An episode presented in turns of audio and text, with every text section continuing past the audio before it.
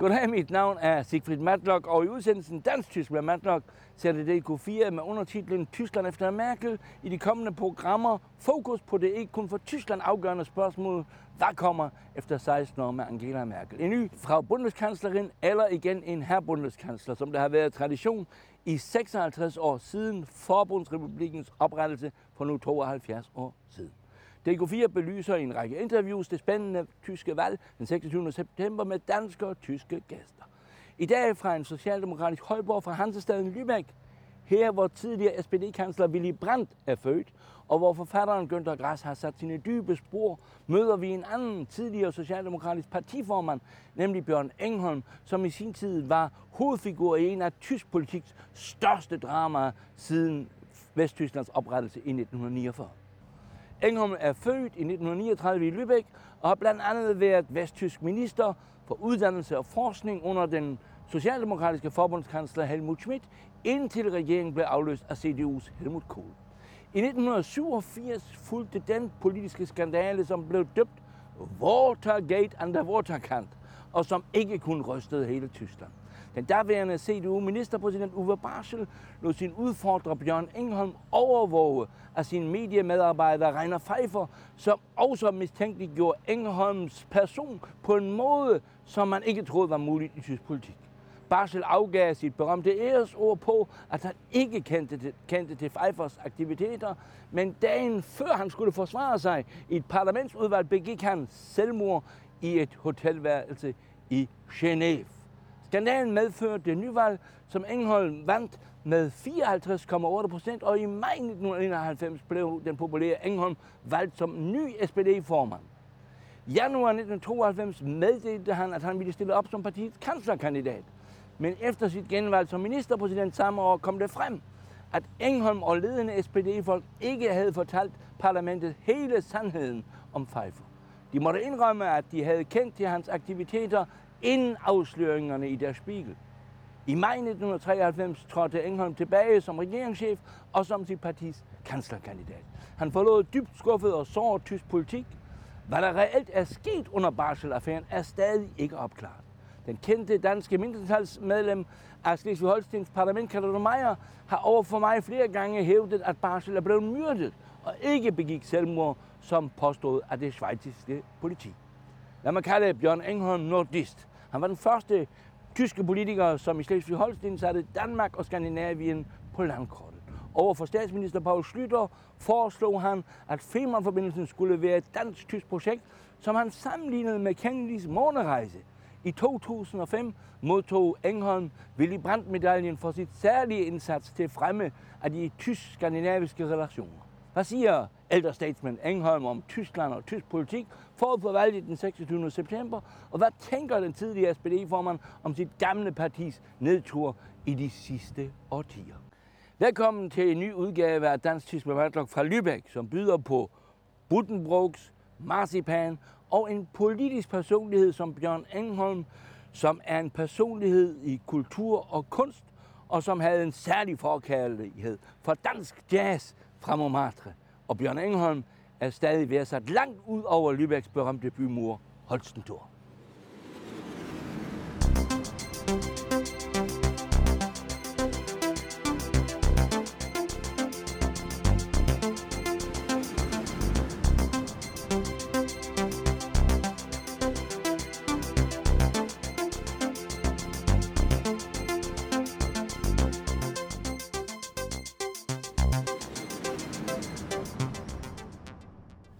Björn Engholm, äh, vielen Dank, äh, äh, dass wir Sie hier in Ihrer Wohnung, in Ihrem Haus in Lübeck besuchen und interviewen dürfen.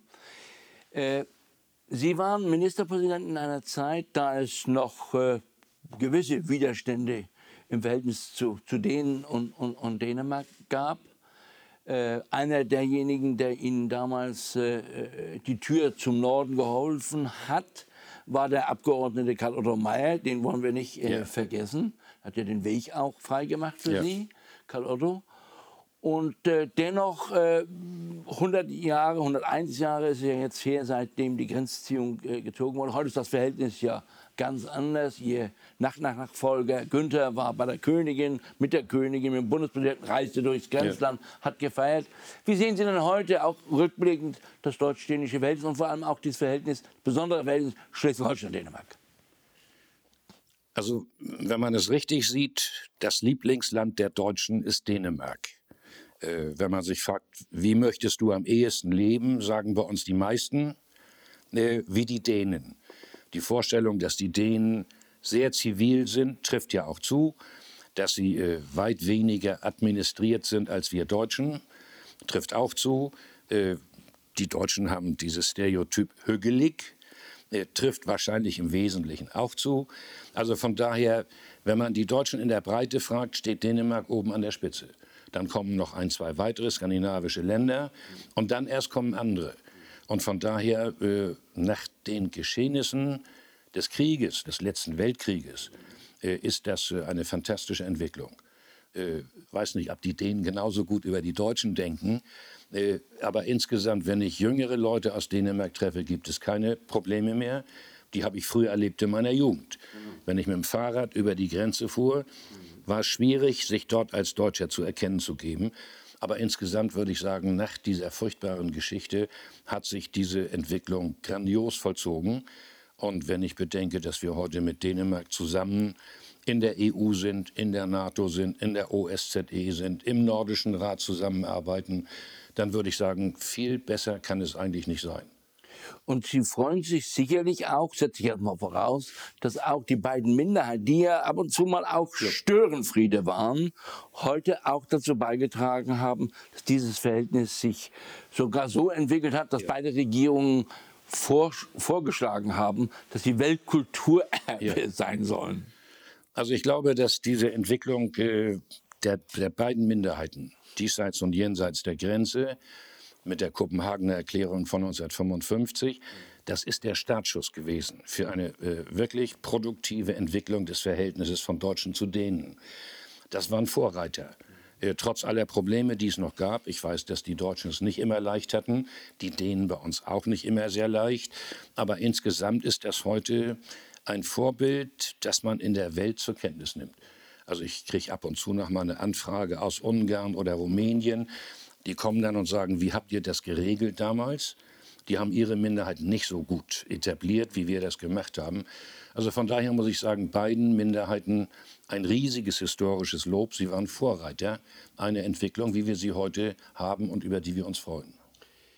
Äh, sie waren, das will ich äh, doch, doch Ihnen bescheinigen, Nordist äh, im breitesten äh, äh, haben sich immer sehr für Skandinavien eingesetzt. Sie sind der, aus meiner Sicht der, der erste deutsche Politiker gewesen, jedenfalls in Schleswig-Holstein, der Dänemark und Skandinavien auf die politische Landkarte gesetzt hat. Zusammen mit ihrem Europaminister Gerd Walter, mit Kurt Hamer, der ja auch eine legendäre äh, Persönlichkeit der SPD war. Äh, Sie haben äh, damit natürlich eine Entwicklung angestoßen. Sie waren sehr früh auch mit Visionen unterwegs. Ich denke daran, dass Sie 1990, das war noch vor der Wiedervereinigung, zusammen mit dem damaligen Volvo-Chef Per Gülnhammer ja. in Stockholm in Anwesenheit von Ministerpräsident Ingvar Carlsson äh, einen Northern Club äh, äh, äh, gebildet haben, ja. dem unter anderem auch der dänische Metallarbeitergewerkschaftsvorsitzende Georg Paulsen angehörte. Ja. Und dabei ging es auch um die Fehmarn-Verbindung. Und da muss ich Sie natürlich konfrontieren ja. mit einer Vision, die Sie gehabt haben. Sie haben nämlich die Fehmarn-Verbindung auch im Gespräch mit dem damaligen Staatsminister Paul Schlüter angesprochen und äh, haben dann zu ihm gesagt, auch, Sie sprachen übrigens auch damals noch mit dem sozialdemokratischen Vorsitzenden Sven Auken, Sven und danach Auken, haben Sie gesagt, genau. eigentlich müssten wir nicht so lange warten bis Anfang äh, 2000. Ich bin der Meinung, man sollte es nicht vergleichen, aber doch die Mondfahrt von Kennedy als Beispiel dafür nehmen, dass wir und jetzt kommt das Datum. Am 23., am 31. Dezember 1999, da soll die Mondfahrt, unsere deutsch-indische Mondfahrt beendet werden. Da soll die Fehmarn-Verbindung stehen. Und nun, die Dänen waren damals zögerlich, heute sind die Dänen ja sauer und verärgert, dass sie bis 2028 ja, ja. warten müssen aufgrund deutscher Schwierigkeiten, Bürokratie. Ja, das war eine, eine gar nicht mal so ganz kühne Vision. Ich glaube, Kennedy hat gesagt, in einem Jahrzehnt auf dem Mond. Und da habe ich gesagt, wenn die auf den Mond kommen, in einem Jahrzehnt so eine Verbindung hinkriegen, dürfte kein großes Problem sein. Und da habe ich das, äh, das preußisch-deutsche Planungsrecht unterschätzt. Also die Dänen sind auch äh, sehr viel pragmatischer als wir in diesen Fragen. Äh, ich sage nur immer, wenn heute noch die Kritik wieder aufflammt bei uns, auch in Schleswig-Holstein, sehr intensiv, mit Bürgerinitiativen, dann sage ich mit äh, einem Satz den Franz Josef Strauß, CSU, den wir damals ja politisch bekämpft Aber haben. wie? Aber Strauß hatte einen so einen Satz, der hieß Pacta sunt servanda. Verträge Ein geschlossener. Vertrag wird eingehalten. Und dieser Vertrag ist zwischen beiden Ländern geschlossen worden. Und nun kann man im Detail noch eine Menge machen. Man kann ökologisch die besten Eingriffe machen oder, oder die schlimmeren vermeiden. Äh, Man kann vieles tun. Äh, Aber dieses Projekt grundsätzlich in Frage stellen, geht nun nicht mehr. Und von daher hoffe ich, dass wir vielleicht äh, in weniger als von nun an einem Jahrzehnt dieses Projekt feierlich eröffnen können. Da werde ich vermutlich nicht mehr dabei sein können. Aber ich schaue dann, so der Herrgott es mir genehm, genehmigt, schaue ich von oben zu. Äh, wenn Aus ich noch Loge. ein- einen Satz ja, eine Loge wird es nicht sein. Nee, aber ein Satz vielleicht noch dazu. Wir müssen heute anfangen. Jetzt haben wir noch die Zeit. Wir wissen, es dauert länger als geplant. Wir müssen heute anfangen, an den beiden Seiten, nördlich und südlich des Sunds, anfangen, Industrie zu planen, Tourismus zu planen, äh, Infrastrukturen zu planen, Energie zu planen. Von selbst wird sich diese positive Entwicklung, die wir mit dem Tunnel verbinden, nicht herstellen. Das heißt, die Arbeit muss jetzt begonnen werden. Mit den Kammern, mit den Verbänden, mit den Gewerkschaften, mit allen, die etwas zu sagen haben. Äh, damit es nicht am Ende eine Durchfahrt wird, dass die Leute von Nord nach Süd durchrauschen und wir im, im, im Süden von Dänemark und wir im Norden von Schleswig-Holstein nichts davon haben. Also es muss jetzt angefangen werden mit der konkreten Planung der Entwicklung, was passiert rund um diesen Tunnel herum.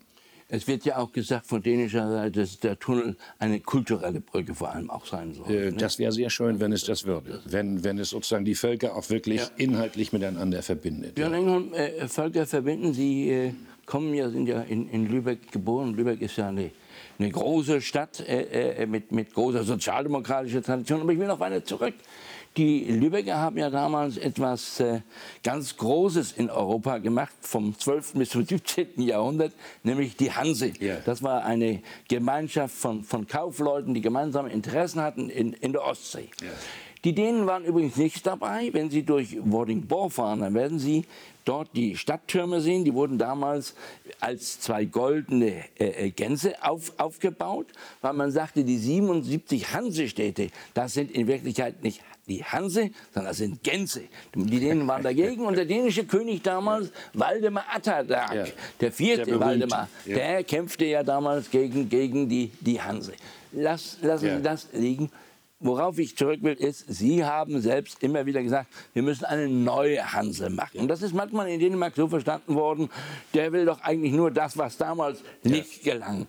Äh, Sie haben auch von, gesprochen von Mare Balticum. Ja. Äh, wenn Sie jetzt zurückschauen auf die letzten zehn Jahre, was ist aus der neuen Hanse geworden, was ist aus Mare Balticum? Waren Sie nicht etwas naiv? Also wir saßen 1982 oder 83 in unserer Wohnung mit drei, vier sozialdemokratischen Freundinnen und Freunden. Und in der Ecke hinten stand so ein Schiff, eine Hansekocke. Kocke, ja, ja. Und wir überlegten uns damals, wir waren in der Opposition in Schleswig-Holstein, wie kommen wir mal an die Mehrheit ran? Wie kriegen wir die Schwarzen, die Christdemokraten weg? Und dann fiel mein Blick auf diese schon leicht derangierte Hansekocke, die mein Vater mir hinterlassen hatte. Da habe ich gesagt, Heureka, das Gute liegt so nahe. Warum sollen wir uns als Schleswig-Holsteiner darum bemühen, eine Niederlassung in China zu machen? Oder eine in Cincinnati oder Chicago? Oder auf den Philippinen? Warum nehmen wir nicht die alten Beziehungen, die auch kulturelle Beziehungen waren, nicht nur ökonomische, zum gesamten Norden wieder auf? Und da ist die Idee neue Hanse und dann später wegen der Hanse mit Verbindung Deutsch-Deutsch, haben wir gesagt, Mare Baltikum. Da ist sie entstanden, Anfang der 80er Jahre. Und dann hat sich daraus, wie ich finde, eine sehr positive Entwicklung Anfangs. ergeben. Anfangs. Ja. Äh, Wir haben äh, eine Riesenwelle gehabt von Verbindungen. Ostseerat. Ostseerat zwischen Industrie- und Handelskammern, Ja. zwischen Universitäten, zwischen Gewerkschaften, unendlich viele. Wurde auch von Genscher sehr unterstützt. Wurde, damals. Genscher hat mir damals sozusagen die, die Butter vom Brot genommen, Okay. weil der Ostseerat war eine Gründung sozusagen, um mich auch ein bisschen rauszukriegen. Okay. So, aber das nur in Ja, eckigen Klammern. Ja, ja. Äh, Ja. Diese positive Entwicklung hat auch eine Menge gebracht, auch ökonomisch eine Menge gebracht. Mittelständler haben angefangen, diese kurzen Distanzen, die wir hatten, miteinander zu nutzen, sich zu verbinden. Und dann sieht man immer, es liegt immer an Leuten, ob sie eine solche Entwicklung weiter hochhalten, weiter pushen, weiter entwickeln, neue Ideen reinbringen. Und irgendwie durch das Weltgeschehen oder durch den Wechsel der Personen ist diese Idee zwar eine wichtige geblieben, aber der richtige große Wurf nach vorne, den habe ich dann zeitweilig vermisst. Also ich glaube, es lohnt sich heute, diese Idee Ostsee-Kooperation wieder aufzugreifen. Weil Ostsee-Kooperation bedeutet für mich auch unter Einbeziehung des westlichen Teils Russland, jenseits aller Konflikte, müssen wir eine Linie finden, um mit den Russen eine gewisse Art von Koexistenz aufzubauen. Ohne sie wird dieses Europa auf Dauer nicht in Frieden leben können. Bei allem, was uns trennt, es muss diese Ebene der Beziehung geben. Das kann eine ökonomische, eine kulturelle sein, eine soziale. Und da würde ich sagen, ist Ostsee, wenn wir gemeinsam arbeiten, als Nordeuropäer mit den Russen, eine vernünftige Perspektive für die Zukunft. Ich glaube, der Norden könnte am ehesten Ansätze einer sehr sanften neuen Ostpolitik entwickeln. Die Botschaft höre ich wohl. Ja. Lassen wir, lass das mal, lassen wir das mal beiseite. Äh, ich würde gerne auf die deutsche Politik kommen. Sie waren ja ein aktiver und ein führender Politiker äh, der SPD, nicht nur im Lande, sondern auch auf Bundesebene. Äh, Sie waren Staatssekretär bei Willy Brandt. Sie waren Lieber Helmut Schmidt. Bei Helmut Schmidt, Ja. Entschuldigung, schon bei Helmut Schmidt. Ja. Aber Willy Brandt war ja ein enger äh, Freund von Ihnen, auch weil Ja. er ja aus Lübeck kam äh, äh, und ja auch diese nordische Antenne natürlich äh, hatte, aber bei Helmut Schmidt. Und äh, wenn Sie zurückblicken auf diese Zeit, wie würden Sie die Ära Brandt-Schmidt, eine sozialdemokratische Ära in Deutschland, äh, wie würden Sie die heute einschätzen? Und auch natürlich das, was danach kam, die Kohl-Ära. Also ich bin da natürlich sehr subjektiv befangen. Denn Willy Brandt war für mich so der ganz große Übervater. Gottvater. Äh, eine Art von, von Gottvater, der die Augen auf die ganze Welt gerichtet hat. Äh, sehr stark mit dem Norden verknüpft. Willy Brandt sehr stark durch äh, die nordische Mentalität persönlich geprägt. Aber Willy eben, sagen wir mit Brundtland zusammen, den Blick auf den Süden des Globus. Und dann zur gleichen Zeit mit Gorbatschow später intensiv zusammen mit Blick auf den Osten. Wir haben versucht, so die Welt wieder zu einer Einheit zu begreifen oder in einer Einheit zu begreifen und daraus Schlussfolgerungen zu ziehen, was muss man politisch tun, damit dieser Globus nicht durch militärische Kräfte zerstört wird. Äh, Diese Visionen haben uns sehr geprägt. Als junge Leute sind wir dafür auf die Straße gegangen, haben in Parlamenten gestritten, zum Teil auch, wo es nicht, wo es nötig war, gegen die eigene Partei. Äh, Dann kam Helmut Schmidt. Helmut Schmidt, der mich äh, zwei Jahr, drei Jahre lang zum Staatssekretär und knapp zwei Jahre zum Minister. Minister gemacht Ja, hat, ja. äh, der hat gelehrt, wie man regiert. Also wie man eine Sache aufnimmt, wahrnimmt, beurteilt und dann schnell entscheidet. Also weil wir eben gerade den, die Beltquerung hatten. Äh, ich nehme an, bei Schmidt heutzutage wäre das schneller gegangen. So. Äh, beides, diese Vision und das Umsetzen dieser Vision in praktische Schritte, die machbar sind. Das habe ich von den beiden gelernt. Äh, ich bin nun keineswegs ein Kohl-Gegner, aber beides vergleichbar habe ich bei Kohl nicht gelernt. Und auch wenn ich mir danach angucke, Gerhard Schröder zeitweilig sehr mutig, aber äh, gut, wir, wir waren auch per, persönlich Konkurrenten im politischen Feld. Da äußere ich mich nicht zu, das wäre zu dicht. Äh, bei Frau Merkel glaube Kommen wir ich, gleich dass drauf. sie, auf, kommen wir Ich- gleich ich würd- ich würd also ich würde sagen, gemessen Ja, an den beiden ja. großen Köpfen der Sozialdemokratie, Ja, ja, okay. Mhm. Und ich ziehe in dieser Zeit durchaus, sagen wir mal, den, den damaligen Bundespräsidenten von Weizsäcker, ein kluger, ein intellektueller Christdemokrat, kultiviert, sprachlich großartig. Ich glaube, diese Zeit ist äh, irgendwann zu Beginn der Kohl-Ära oder während dieser Zeit verloren gegangen. Die Köpfe waren nicht mehr da, sind auch nicht mehr nachgekommen. Lassen Sie trotzdem bei, bei, bei Kohl noch einen Augenblick ja. äh, äh, äh verweilen. Äh, äh, äh, der wird ja, ungeachtet dessen, wie man ihn innenpolitisch behandelt, er wird ja in die, in die deutsche, in die Weltgeschichte eingehen, eben durch die deutsche Wiedervereinigung. Und äh, da haben Sie ja als, als SPD-Spitzenpolitiker äh, damals diese Wiedervereinigung ebenso wie Willy Brandt unterstützt, im Gegensatz zum, zum damaligen SPD-Vorsitzenden Oskar Lafontaine. Ja. Haben Sie diese Wiedervereinigung, die ja Deutschland verändert hat, nicht nur im Osten, sondern auch im Westen, äh, auch mental, ja. haben Sie diese äh, die Unterstützung für die Wiedervereinigung A, vielleicht inzwischen bereut oder sehen Sie Deutschland insgesamt auf gutem Wege? Also die, die Vorarbeiten für diese äh, unglaubliche Wiedervereinigung. Es ist ein einmaliger Akt in der Welt. Klar. Die Vorarbeiten, muss man wirklich sagen, ohne Kohl zu nahe zu treten, hat Willy Brandt gelegt. Ohne die Entspannungspolitik und die ja. Fortschritte in der. Ostpolitik wäre das nicht möglich gewesen.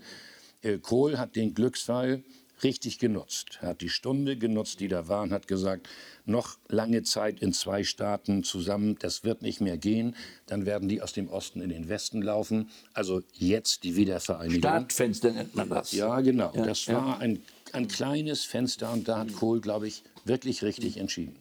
Übrigens hat er auch in der, in der Westintegration ja, der Freundschaft zu Frankreich Europa. eine Menge geleistet. Das wird nicht in Frage gestellt.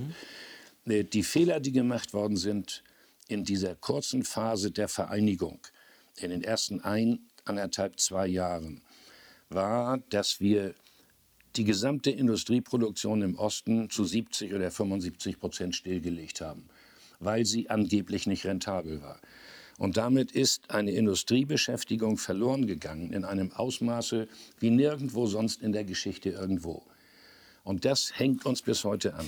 Äh, wir haben eine inzwischen sich entwickelnde ostdeutsche Gesellschaft und auch Wirtschaft, aber der Industriebesatz ist zu klein. Und was damals kaputt gemacht worden ist mit Verschulden der deutschen Treuhand, so hieß die Einrichtung, die das organisieren musste, das ist über die Jahre und Jahrzehnte nicht wieder aufgefangen worden. Und ich glaube, dies ist einer der Gründe, weshalb wir immer noch äh, mit Missmut im Osten zu kämpfen haben gegenüber dem gesamtdeutschen heutigen Staat ist dann also mit anderen Worten Willy Brandts berühmtes Zitat, es wächst zusammen, was, was zusammengehört, zusammengehört. Mhm. das ist noch nicht Realität. Also ich glaube, wir sind in der jüngeren Generation erheblich weitergekommen.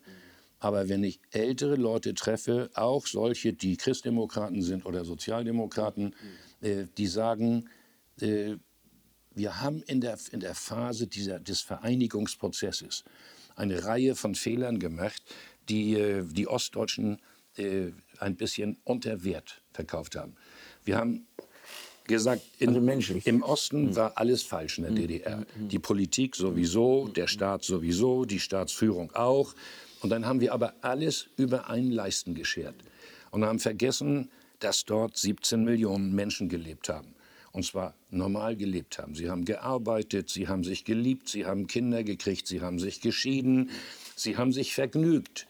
Das heißt, sie haben versucht, unter einem schlechten politischen Dach ihr eigenes Leben zu führen und sind dabei zum Teil auch glücklich gewesen. Also man sagt, die soziale Nähe im Osten war aufgrund des Drucks von oben viel größer als bei uns. Und da wir hinterher gesagt haben, es war alles schlecht, was in der DDR war, haben wir, glaube ich, den Menschen ein Stück ihrer Identität geklaut. Und das ist das, was uns bis heute nachhängt. Und das muss nachgearbeitet werden. Ich wünschte mir, dass wir, wenn wir noch mal eine Welle von Neugründungen hätten, wirtschaftlicher, aber auch von Verwaltungen des Bundes oder der Länder, dass man mehr im Osten tut, als ein sichtbares Zeichen, wir wollen die volle Gleichheit in einer relativ kurzen Zeit erreichen. Wir haben gesprochen über Willy Brandt, über Helmut Schmidt, über Helmut Kohl. Lassen Sie uns nun äh, zur Gegenwart kommen, äh, eine Gegenwart, die bald Vergangenheit ist. 16 Jahre Angela Merkel. Was hat äh, Angela Merkel gebracht? Ich habe so manchmal den Eindruck, dass sie in Europa, draußen in Europa, höher eingeschätzt wird als in Deutschland selbst.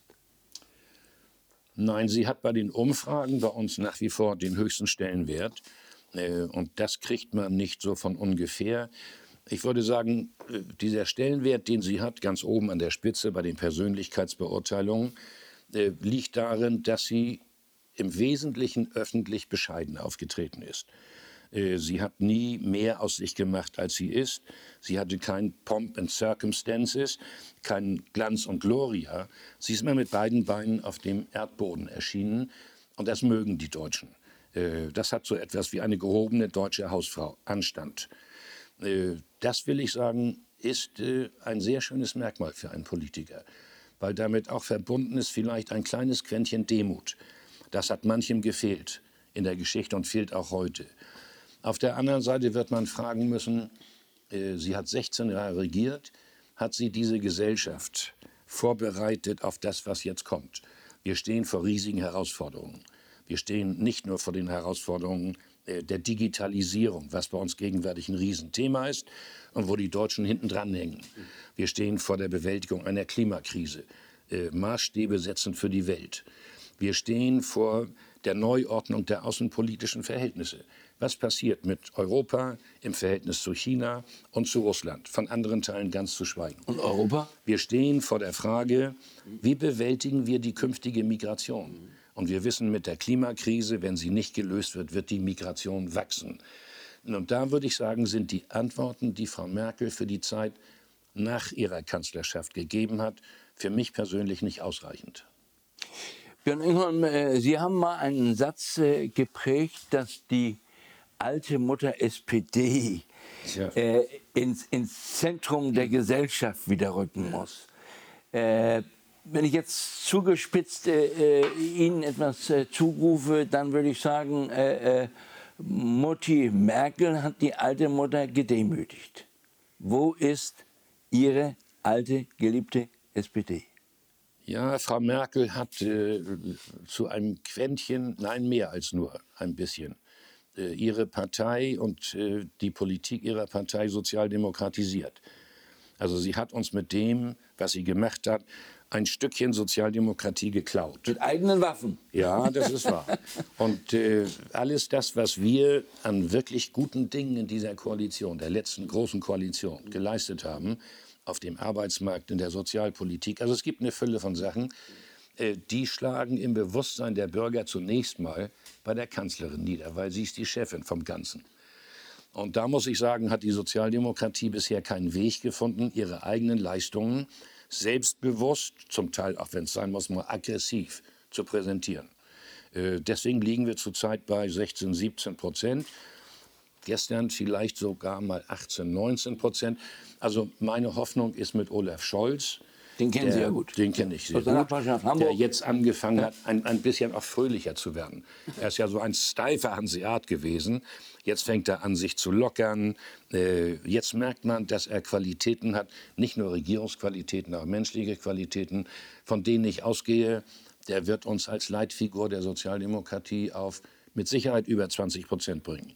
Und damit tauchen schon wieder neue Möglichkeiten von Regierungsbildung auf. Nun haben Sie ja eben etwas äh, sehr Gutes über Ihren Nachbar Olaf Scholz äh, äh, gesagt und, und einiges deutet ja darauf hin, dass er zumindest aufholt, ja. wenn ich das mal vorsichtig sagen darf. Wie bewerten Sie dann die, das ist ja die einmalige Situation. Zum ersten Mal hat man eine Wahl ja. ohne einen amtierenden Kanzler oder ja. Kanzlerin. Wie, wie beurteilen Sie etwa den Kanzlerkandidaten der CDU-CSU, Laschet, und Frau Baerbock von den Grünen als Alternativen ja. zu Olaf Scholz auch. Also wenn man so mein Alter hat, dann kann man es sich leisten, auch mal über die eigene Partei kritisch ja. nachzudenken. Äh, das tue ich gelegentlich, also kann ich auch über andere kritisch nachdenken. Äh, Laschet, muss ich sagen, von dem hatte ich mir anfänglich mehr erwartet. Äh, der hat ein, ein großes Bundesland bisher ordentlich regiert, nach meiner Einschätzung von außen. Er ist ein, glaube ich, vom Typ her hochanständig. So macht er auf mich den Eindruck. Steht mit beiden Beinen auf dem Boden. Von dem hatte ich mir erwartet, jetzt, wo er die Kanzlerkandidatenschaft errungen hat, gegenüber seinen CSU-Konkurrenten, Jetzt fängt er an, uns zu sagen, wo geht die Reise hin der Deutschen. Und da stelle ich fest, es kommt bisher gar nichts. Das ist äh, enttäuschend wenig. Also im, im, im, allgemeinen deutschen, plattdeutschen würde man sagen, dünne Soße. Äh, vielleicht kommt da noch mehr, aber bisher muss ich sagen, ist es insgesamt auch für meine christdemokratischen Freunde hier enttäuschend, wie wenig von Laschet kommt. Annalena Baerbock, die Grüne, äh, die angetreten ist, wo man gesagt hat, alle Achtung, nicht, das ist frisch und fromm und fröhlich und frei und direkt heraus und ohne all diese Stereotypen und den Pomp, den sie sonst haben. Da merkt man, dass sie äh, im Detail nicht sehr sorgfältig mit sich umgeht. Also das ist nicht nur die Abführung von ein paar Nebengeldern, äh, Zitate in einem Buch, Lebenslauf. In solchen Dingen muss man in dem Augenblick wo man die oberste Stufe erklimmen will, sehr sorgfältig sein. Das ist das eine. Das will ich nicht überbewichten, aber es spielt eine Rolle in der Einschätzung der Menschen. Das zweite ist, dass mein Eindruck ist, sie, sie redet erst und denkt dann. Äh, Wobei Willy Brandt war für mich immer das Gegenteil. Erst hat er gedacht und dann hat er geredet. Das galt auch für Schmidt. Äh, das gilt auch für den Kontrahenten bei den Grünen, für Robert Habeck, der ja hier aus Schleswig-Holstein kommt. Bei dem hat man den Eindruck, er denkt wirklich erst und dann kommt erst das Ergebnis per Sprache heraus. Ab Frau Baerbock diese kleinen Einschläge, die sie inzwischen erlebt hat. Ob sie die wettmachen kann, ob sie wieder aus dieser kleinen Lücke, in die sie da reingeraten ist, jetzt herauskommt, werden wir sehen. Also insgesamt finde ich, so ein Politikertyp tut der deutschen Politik insgesamt gut, weil nicht so streng, nicht so konservativ, nicht so formell. Äh, mal gucken, ob sie es noch mal schafft. Kanzlerin wird sie jedenfalls nach meiner Einschätzung nicht. Nein, das ist natürlich das Interessante jetzt, dass natürlich, das weiß ja jeder, keine Partei eine absolute Mehrheit bekommt. Ja. Das heißt, wir brauchen zwei Parteien oder drei Parteien, vielleicht sogar drei Parteien, ja. um überhaupt eine Regierung wieder bilden ja. zu können. Äh, ich vermute doch, dass Sie Ihrer alten SPD empfehlen werden, auf jeden Fall nicht wieder in eine große Koalition oder große Koalition, ähnliche Konstellation ja. hineinzugehen. Die SPD braucht einfach jetzt mal einen neuen Anfang. Ja. Ist das richtig? Ja, das ist vollkommen richtig. Große Koalition hat bei uns äh, in der eigenen Partei, auch bei den Christdemokraten, aber auch im Bewusstsein der Bevölkerung ausgedient. Obwohl unterm Strich, sie hat ja viele Sachen ziemlich gut geregelt. Äh, also das kann man nicht unterschätzen, was da an Fortschritten, an kleinen Fortschritten für die Menschen gemacht worden ist. Aber Große Koalition ist nach meiner Einschätzung für niemanden eine Option für die Zukunft. Und dann ist die Frage, mit wem kann wer koalieren? Äh, die Ideallösung für die Schwarzen, also für die Konservativen, wäre eine Koalition mit Grün. Schwarz-Grün, konservativ Wirtschaft, Grün Fortschritt Klimapolitik. Wenn das funktionieren würde, dann und ohne Sozialdemokraten, dann hätten die Sozialdemokraten für die nächsten vielen Jahre schlechte Karten. Äh, ob das reichen wird, das werden wir sehen. Ich glaube, dass die Grünen nicht wesentlich über 20 kommen. Äh, die CDU wird, glaube ich, nicht wesentlich über 30 kommen. Es könnte funktionieren, es kann sehr knapp werden. Und dann ist die Frage, welche Möglichkeiten gibt es noch? Es gibt noch äh, Rot und Grün und Gelb, FDP. also mit der FDP. Mhm. Ich glaube, dass die Sozialdemokraten nicht äh, besonders scharf darauf sind mit Herrn äh, von der FDP. Ich, jetzt habe ich den äh, Namen vergessen.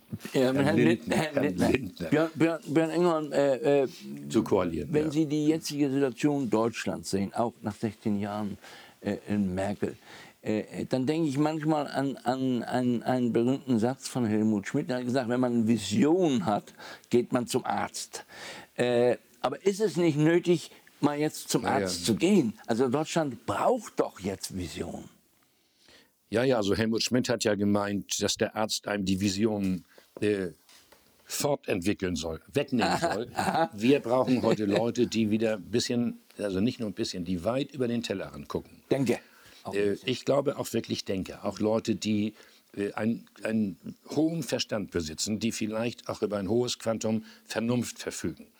Äh, solche Leute gibt es ja. Es gibt sie in den Universitäten, es gibt sie in Instituten, es gibt sie auch äh, bei den Gewerkschaften, es gibt sie vereinzelt bei den Parteien, nicht so viele.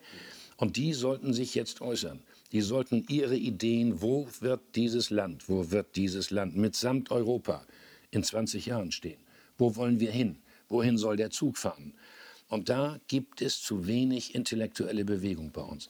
Also wir haben ja vorhin auch darüber gesprochen, es gibt kluge Leute, Wirtschaftswissenschaftler, Sozialwissenschaftler, ich lasse sie mal alle. Äh, Kultur und Kunst? Wo, Kultur und Kunst, ja, die uns sagen, wie sieht eine kultivierte, ja. ökonomisch erfolgreiche und zugleich sozial gestaltete Gesellschaft in 20 Jahren aus. Dazu gern eine Fülle von, von Einzelthemen. Wir sind eine Gesellschaft, die läuft auf äh, ein hohes, äh, einen hohen Prozentsatz Rentnerarmut raus. Alte Leute werden zunehmend bei uns ärmer werden, wenn wir nicht grundsätzlich das System umstellen. Für die Pflege, für Leute, die Pflege bedürfen, mag ich gar nicht dran denken, wie es aussieht. Äh, wie sieht Kunst und Kultur in der Zukunft aus? Und zwar, Digital auch. Äh, die ja, Digitalisierung also, all dieser ja. Bereiche. Also es gibt ein, ein Dutzend Themen bis hin zur Außenpolitik, wo ich mutige Anstöße brauche. Und mutige Anstöße kommen nicht immer aus den Parteien, weil die, die da arbeiten und neu antreten, sind fixiert auf eine Wahlperiode, vier Jahre. Und äh, darüber hinaus mutige Dinge zu machen, das äh, fällt manchen sehr schwer, weil sie sagen, ich will gewählt werden, aber nicht die Welt verändern. Und ich brauche Leute, die sagen, wir müssen große Teile der Welt verändern, wenn wir in der Zukunft gemeinschaftlich überleben wollen.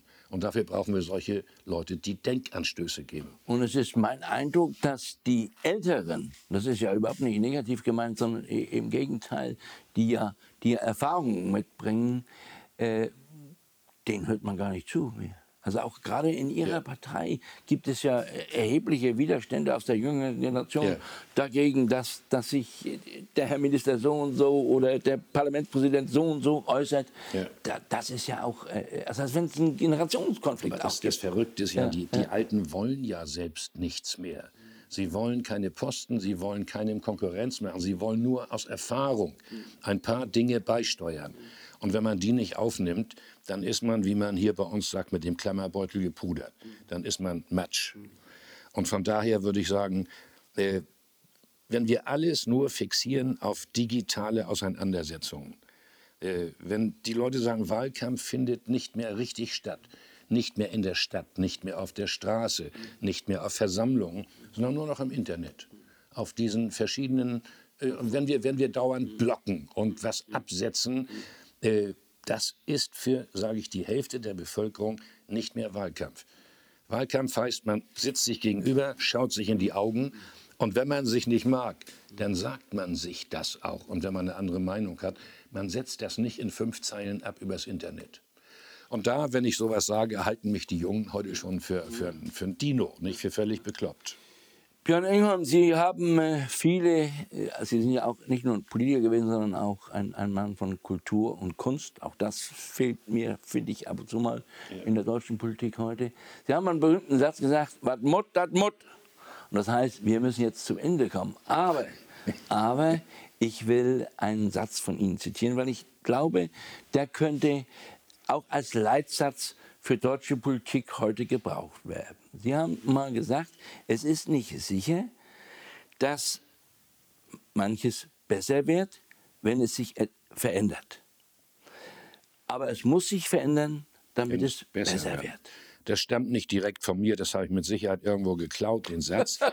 Aber er, ist, er ist, richtig. Und dann füge ich noch als letztes äh, eine, das ist eine christliche Regel, aber sie ist übertragbar auf sämtliche Bereiche des Lebens. Was du von anderen erwartest, tu es ihnen zunächst einmal selbst. Wenn alle so denken würden, ein bisschen Kant, äh, nach Kant äh, das. das ist, äh, ja, ja. Umgesetzt, die weltliche Formulierung ja, wäre, wäre Kants äh, Verstandesformel, Kants Ethik. Wenn alle so denken würden und ein bisschen davon umsetzen würden, jeden Tag, könnte unsere Gesellschaft, könnten unsere Gesellschaft, nein, ihre will ich gar nicht mit einbeziehen, aber die meine, sie könnte fortschrittlicher sein, offener, ethischer, moralischer, fröhlicher. Und davon können wir ein gutes Stück gebrauchen. Björn Engholm, es gibt ein dänisches Wort, das alles sagt. Mange tak. Tak, tak.